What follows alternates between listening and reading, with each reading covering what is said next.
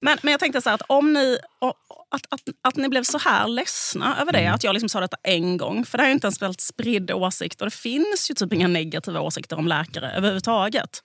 Ingen Nej. säger någonsin något negativt om läkare. Mm. Och då kanske det är för att ni kanske blev ledsna över det här för att ni aldrig innan har hört något negativt sägas om ert yrke. För jag tänkte, om ni är helt ärliga, alltså jag eh, vill påstå att ert yrkesval har aldrig någonstans i något sammanhang lett till en negativ reaktion. Nej. Alltså ingen typ av förälder har någonsin tyckt att ert yrkesval var dåligt. Nej.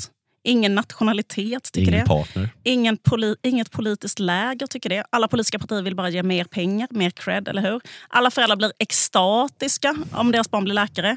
Mm. Till och med kanske så att när ni valde det här yrket och till exempel era syskon valde ett annat yrke så tyckte era föräldrar mer om er än om det andra mm. syskonet. Mm. Alltså jag vill bara att ni ska vara helt ärliga nu, handen på hjärtat, så är det så att era föräldrar oftare har berättat för bekanta om mm. ert yrkesval än om er lilla systers yrkesval, mm. som blev arkivarie. Mm.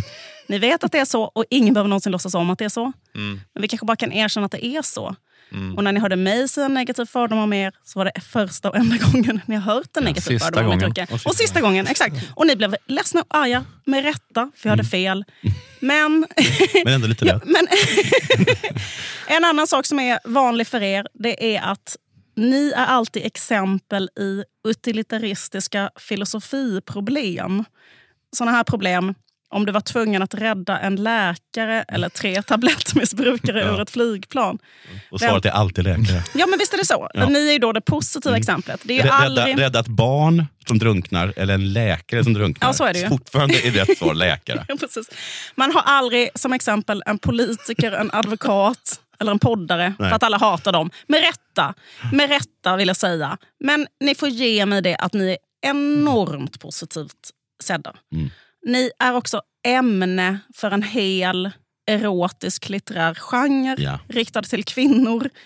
Läkarromanen. Eh, ni har all rätt att vara ledsna på grund av vad jag sa. Men tänk då på att ni också är den sexuella fantasin mm. för en bred majoritet av befolkningen. Ert yrke är inte bara otroligt respekterat, det är också ett slags afrodisiak. Det är Viagra för kvinnor. Något man har sagt hittills inte finns, men det finns och det är ert slutbetyg från läkarlinjen. Så jag förstår att ni är ledsna, men eh, tänk bara på det positiva. Det här var ett litet smakprov. För att eh, lyssna på detta avsnitt, gå in och köp en prenumeration för endast 29 kronor i månaden på underproduktion.se stormens utveckling. På underproduktion finns också info om hur du gör för att lägga in prenumerationsfiden av Stormens utveckling i din poddapp, eh, vilket är att eh, föredra för smidigt lyssnande. Och när du har gjort det så behöver du då inte den här gratisfiden som du är i nu eh, eftersom att även gratisavsnitten dyker upp i prenumerantfiden. Och går du in på underproduktion.se appar så finns det eh, pedagogiska videoguider för eh, de olika apparna. Du kan välja vilken som är din favoritapp som du använder och så finns det en videoguide där för hur man lägger in eh, prenumerantfiden i sin poddapp där. Och får man ändå inte rätt på det så kan man alltid mejla till support underproduktion.se för snabbt svar.